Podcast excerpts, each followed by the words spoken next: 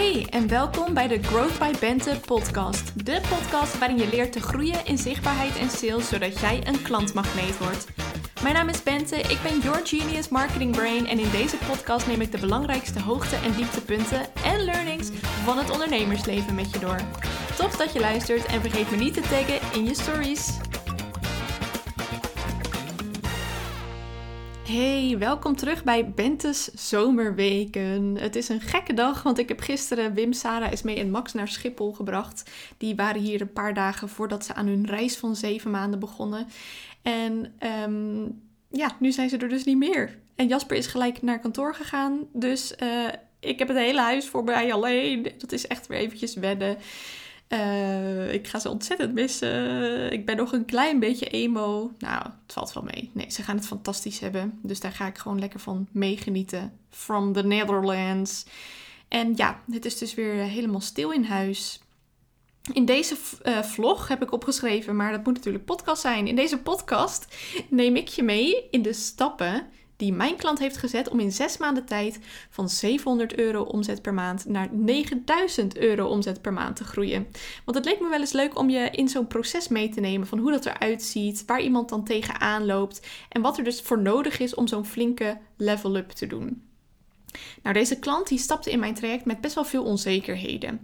Ze vroeg zich namelijk af of haar plan voor haar bedrijf wel zou gaan lukken. Of ze er überhaupt wel goed aan had gedaan om de keuze te maken om volledig voor haar bedrijf te gaan. En om haar baan daarbij op te zeggen. En ze had helemaal gedachten als: wat als er nou geen klanten meer komen? Wat als ik helemaal geen inkomsten meer heb? Wat als ik een grote fout heb gemaakt door als ondernemer te gaan werken? Dat is natuurlijk heftig als je zulke gedachten hebt. En als je zulke gedachten hebt, dan is het maar goed om in een soort van stroomversneller te stappen. Om iemand je daarbij te laten helpen, om te investeren. Uh, want voor zo'n grote stap heb je ook gewoon iemand nodig die je daarbij helpt. Die jou begeleidt naar dat next level. En uh, het is ook gewoon lekker om daar naartoe te groeien naar zo'n flinkere omzet. Zodat je daar meer op kunt vertrouwen. Dus uh, ja, dat. Nou, daarnaast vond ze het ook best moeilijk om zichtbaar te zijn. Maar tegelijkertijd was ze zo overtuigd van het feit dat ze wilde ondernemen. Uh, dat ze die vrijheid wilde ervaren. En van het feit dat ze wist dat ze heel veel kon betekenen voor anderen. Nou, op dat moment, voordat wij eh, begonnen met samenwerken, trok ze ook veel niet-ideale leads aan. Dus had heel veel mensen die dan wel eens gratis wat informatie opvroegen, maar eigenlijk nooit gingen ze een uh, conversie aan of gingen ze instappen in een in een, een van haar aanbod. Haar aanbod was sowieso ook nog niet zo steady. Had een aantal producten die eigenlijk voor verschillende doelgroepen bedoeld waren. Dus product A was voor doelgroep A, product B was voor doelgroep B en product C was voor doelgroep C. Waardoor ze ook qua content alle kanten op vloog. Want de ene keer maakte ze een post voor ideale klant A, daarna een post voor ideale klant B. En op die manier is het heel lastig om een relatie met je ideale klant op te bouwen. Want die klant die voelt zich de helft van de tijd niet aangesproken. Want de helft van de tijd gaat de content dus over een andere doelgroep. Dus dat is zonde. Dus daar zijn we mee begonnen. En dat is sowieso waar je altijd mee wil beginnen als je uh, begint met een marketingstrategie. Met het opzetten van een bedrijf überhaupt. Is wie is nou die ideale klant? Nou, in dit geval twijfelde mijn klant dus tussen een aantal ideale klanten. En dan kun je drie dingen doen. Je kunt ten eerste kiezen voor één ideale klant. Je kunt ten tweede meer uitzoomen met je bedrijf en erboven hangen en zorgen dat je producten en je content voor al die type ideale klanten interessant is. Dus dat je een iets, andere, um, iets ander niveau eigenlijk pakt waarop je content creëert en je aanbod inzet. Of je kunt ten derde verschillende kanalen inzetten om verschillende ideale klanten te bedienen. Nou, zij wilde in dit geval graag kiezen. Dus wij zijn begonnen met ideale klant A. En daarmee zijn we een portfolio gaan opbouwen. Hebben we klanten aangetrokken. Zijn we een aanbod gaan ontwikkelen. Uh, heeft zij reviews verzameld. En heeft ze er in ieder geval uh, voor gezorgd dat ze met die ene ideale klant die klantenstroom op gang ging brengen. En die omzetstroom op gang kwam. Je marketingstrategie begint altijd dus met jouw ideale klant. Wie wil jij bedienen? Daarna heeft zij onderzoek gedaan naar de pijnen, de verlangens en de bezwaren van die ideale klant. Dus de pijnen gaat heel erg over waar wil die ideale klant van af. Verlangens gaat heel erg over wat wil die dan bereiken, waar wil die naartoe. En de bezwaren gaat, uh, gaan over wat houdt hem of haar tegen in het doen van een aankoop. In de business school beginnen we natuurlijk ook met de ideale klant, want elke marketingstrategie begint met een ideale klant. En daarin krijg je tools en templates om klantonderzoek te doen. En aan de hand van een visualisatie gaan we die ideale klant zo scherp mogelijk krijgen. Want als je dat eenmaal scherp hebt, dan kun je ook veel beter je fundament gaan neerzetten. Je aanbod ontwikkelen, content maken en zichtbaar zijn. Dus het is een essentiële stap om je bedrijf succesvol te maken. Daarom is dat in de business school dus ook waar we mee beginnen. Nou, bij haar hebben we dat dus ook gedaan en zijn we daarna op basis van die gekozen ideale klant zijn we het fundament gaan neerzetten van haar bedrijf. En dat bestaat uit alle essentiële onderdelen van, ehm, ja, van je bedrijf, van jouw merk, dus jouw titel, je help statement, je merkbelofte en je aanbod. Nou, dat aanbod zei ik net al eventjes, dat was niet zo steady. Ze bedacht ook elke keer weer iets anders. Dus dan had ze een product bedacht, dan verkocht dat niet gelijk. Dan ging ze weer een ander product bedenken om te kijken van, nou, misschien krijg ik dit dan uh, verkocht. En elke keer was, um, was ze naar aanleiding, of geleid eigenlijk door invloeden van buitenaf, was ze dat aanbod weer aan het fine-tunen. En uh, juist omdat het zo switchte, gaf ze haar ideale klanten niet de kans om verlangen te kweken naar die diensten. Want dan veranderde de dienst weer en dan liet ze ze eigenlijk een beetje hangen.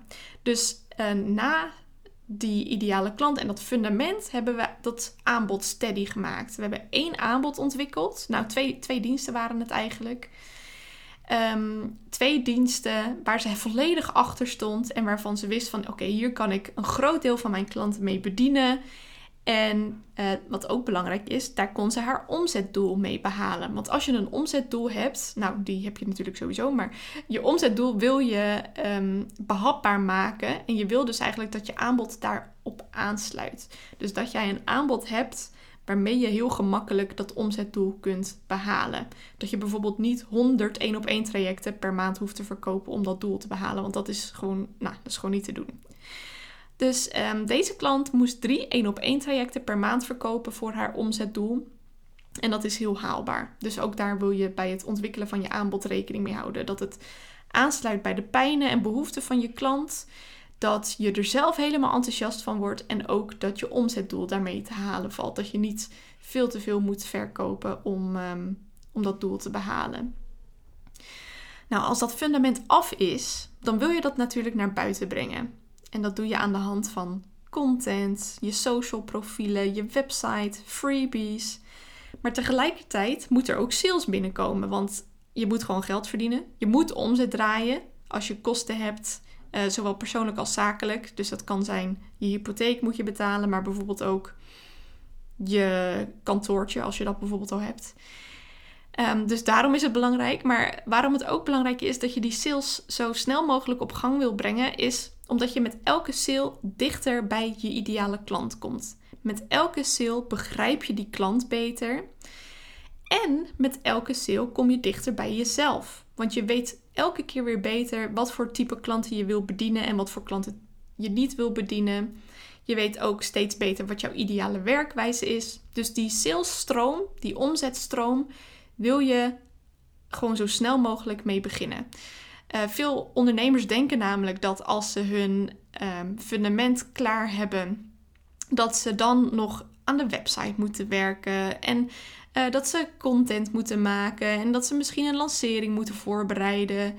Maar nee, dat wil je eigenlijk gewoon allemaal een beetje parallel laten lopen.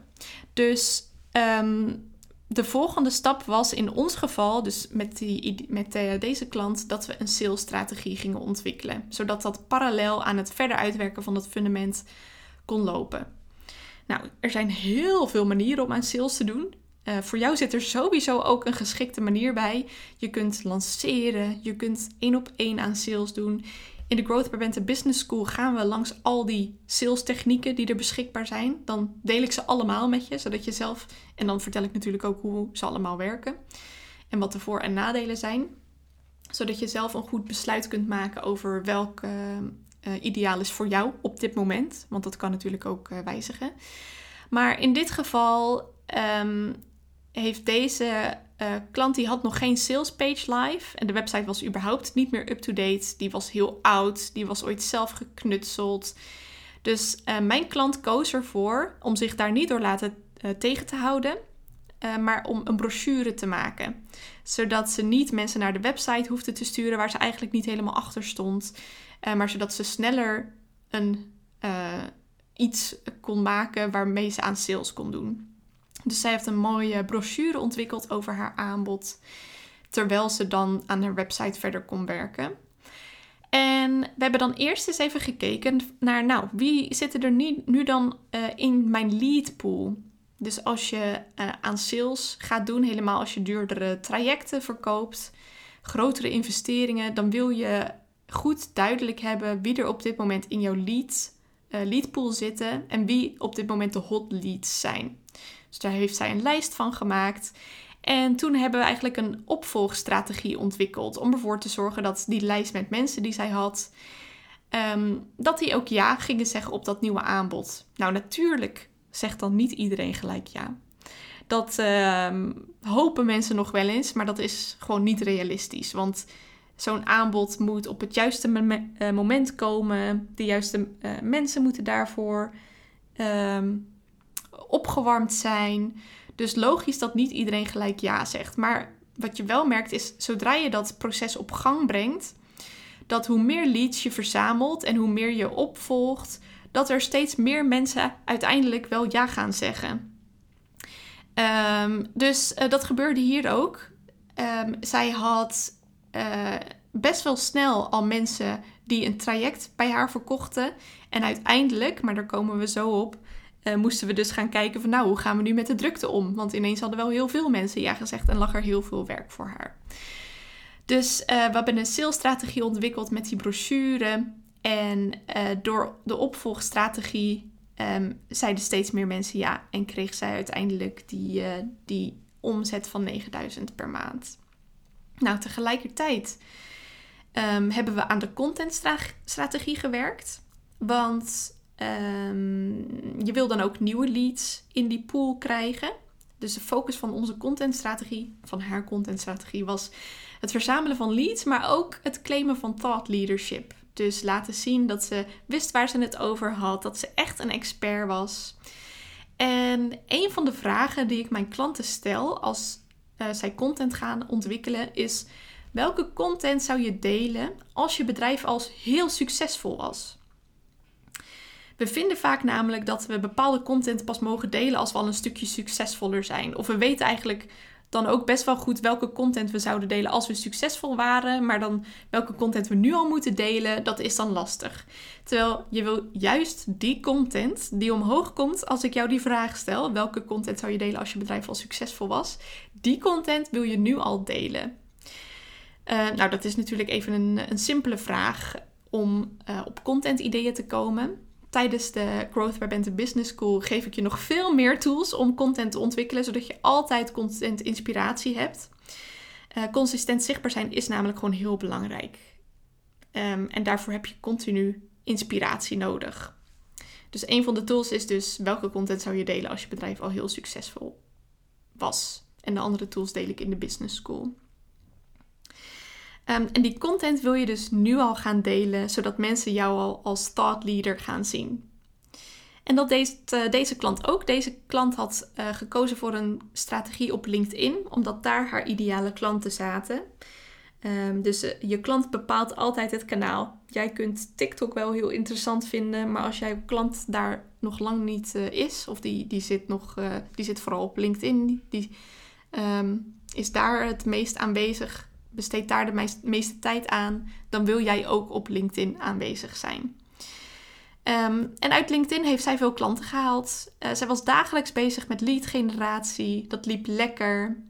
En tegelijkertijd was zij dus nog bezig met het uitwerken van uh, het fundament. Dus ze was knettergoede teksten aan het schrijven. Natuurlijk voor haar brochure. En zij ging tegelijkertijd ook investeren in een nieuwe website. Als je fundament namelijk wijzigt, dan is het bijna altijd zo dat je een nieuwe website nodig hebt. Um, ik weet niet of je het herkent. Ik had mijn eerste website ook zelf geknutseld. Deze klant had dat ook. En zij was nu echt toe aan gewoon een professionele website. Die er niet zo zelf geknutseld uitzag. Die, uh, waar mooie branding ook bij zat. En waar zij, uh, ja, waar ze weer even mee vooruit kon. Dus zij was daarvoor bezig voor die teksten. In de tussentijd was die brochure dus voor haar klanten aan het binnenhalen. En uh, bij die nieuwe focus uh, op die ene ideale klant hoorde natuurlijk ook een freebie. Dus ook die was ze aan het ontwikkelen. Maar die um, strategie met die brochure die werkte in de tussentijd zo goed dat wij het mochten gaan hebben, uh, ik met deze klant, over nou, hoe kun je nou de drukte gaan managen. Dus zij stelde die vraag van mijn salesstrategie werkt zo goed en nu zit ik in een soort van piek en weet ik eventjes niet uh, hoe ik met die drukte om moet gaan. Dus op een gegeven moment merk je dan dat je die klantenstroom hebt, dat er steeds meer nieuwe klanten binnenkomen. En dan is de vraag, uh, what's next? Hoe gaan we nu om met die drukte? En dat gaat dan vaak over grenzen stellen bij je klanten, efficiënter met je tijd omgaan, um, activiteiten opbouwen sorry, afbouwen die je niet genoeg opleveren en je meer focussen op dingen die je wel genoeg opleveren. Uh, misschien nieuw aanbod ontwikkelen zodat je kunt gaan opschalen. Um, dus op een gegeven moment ging het uh, veel meer daarover in plaats van over hoe bouw je nou die klantenstroom op. Zij draait nu dus 9k maanden en geeft aan, ja, die angst en onzekerheid. Heb ik wel de juiste beslissing gemaakt? Wat als er nooit meer klanten komen? Die, die angsten en gedachten die zijn weg. En ze heeft, zegt ze zo zelf, um, nou, nou, en ik ben het er trouwens mee eens, ze heeft nu een mooie website, een fantastisch aanbod, veel betere content, waarmee ze ook echt naamsbekendheid aan het creëren is. Ze heeft meer focus, een prachtig whitepaper die ook nog klanten oplevert en een groeiende omzet. En dan zie je dus uh, dat, uh, dat je dan ook klaar bent voor weer je volgende level. Ik geloof heel erg dat ondernemen echt in golven gaat. Die eerste golf gaat heel erg over het opbouwen van die consistente klantenstroom, het opbouwen van die goede omzetmaanden. En daarna wordt het meer een geval van opschalen, het steeds leuker maken, het steeds beter maken, zodat je nog meer omzet kunt gaan draaien, dus je plafond verhogen. Je bedrijf meer eigen maken, je bedrijf efficiënter maken, zodat je je vooral richt op de dingen die jou energie en omzet opleveren. En deze klant gaat dus door met een nieuwe focus, weer een nieuwe positionering. Ze gaat haar aanbod uitbreiden en is bezig ook met nieuwe vormen van lead generatie, zodat dat ook schaalbaarder is. Ze is haar content ook aan het upgraden. Op een gegeven moment um, heb ik zelf ook gemerkt, dan um, doet je oude content het niet meer. Dat voel je dan niet meer. Je bent dan ook met je content toe aan een soort next level om bijvoorbeeld een nieuw type klant aan te trekken of om nog meer een bepaalde expertstatus te claimen. Dus uh, nou, dat is dan eigenlijk de tweede en de derde en de vierde en de vijfde golf waar je in terecht komt. Dus elke keer alles weer naar de next level tillen. In de notendop was dat hoe ik uh, met deze klant heb gewerkt om haar van 700 euro maanden naar 9000 euro maanden te krijgen. En wat jouw next level op dit moment ook is, of dat ook is van 700 euro per maand naar 9000 euro per maand, of misschien van 10 naar 20.000. De Growth by Wente Business School gaat jou bij dat next level brengen. Je kunt namelijk zelf wel blijven aanklooien, maar door te investeren in de juiste programma's lukt het jou om die stappen veel sneller te zetten.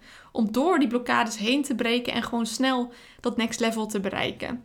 Via bentewemelman.com slash gbbs schrijf je je in op de wachtlijst en hoor je het als eerste als de deuren open gaan. En dat is al bijna. Dus dan krijg je alle informatie die je nodig hebt om te beslissen of de business school voor jou de juiste stap is om jouw next level te bereiken. En dat is het sowieso. Dus schrijf je in op de wachtlijst. En vond je deze podcast leuk? Maak dan ook nu een screenshot om deze in je stories te delen. Um, tag mij daarbij, want dat is goed voor je bereik. Dan ga ik je namelijk reposten. En ik ben vanaf vandaag lekker op Lowlands. Ik ga daar heerlijk van genieten. Wij zitten lekker in een eh, tentje als je dit aan het luisteren bent. Of we staan op het festivalveld natuurlijk. Maar de podcasts van Bente's Zomerweken blijven gewoon online verschijnen. Dus um, jij hoort mij weer morgen. Same place, same time. Terwijl ik uh, nou, nog aan het uitslapen ben van een geweldige festivalavond. Of alweer staat te genieten van de leuke artiesten die we allemaal gaan zien. Onder andere de Arctic Monkeys heb ik heel veel zin in. Daar kijk ik het meest naar uit. En uh, nou, Stromae wordt ook fantastisch. Weet je, het wordt gewoon, het, wordt, het worden drie geweldige dagen, I'm sure. Dus uh, jij hoort mij morgen. En um, ja, tot dan.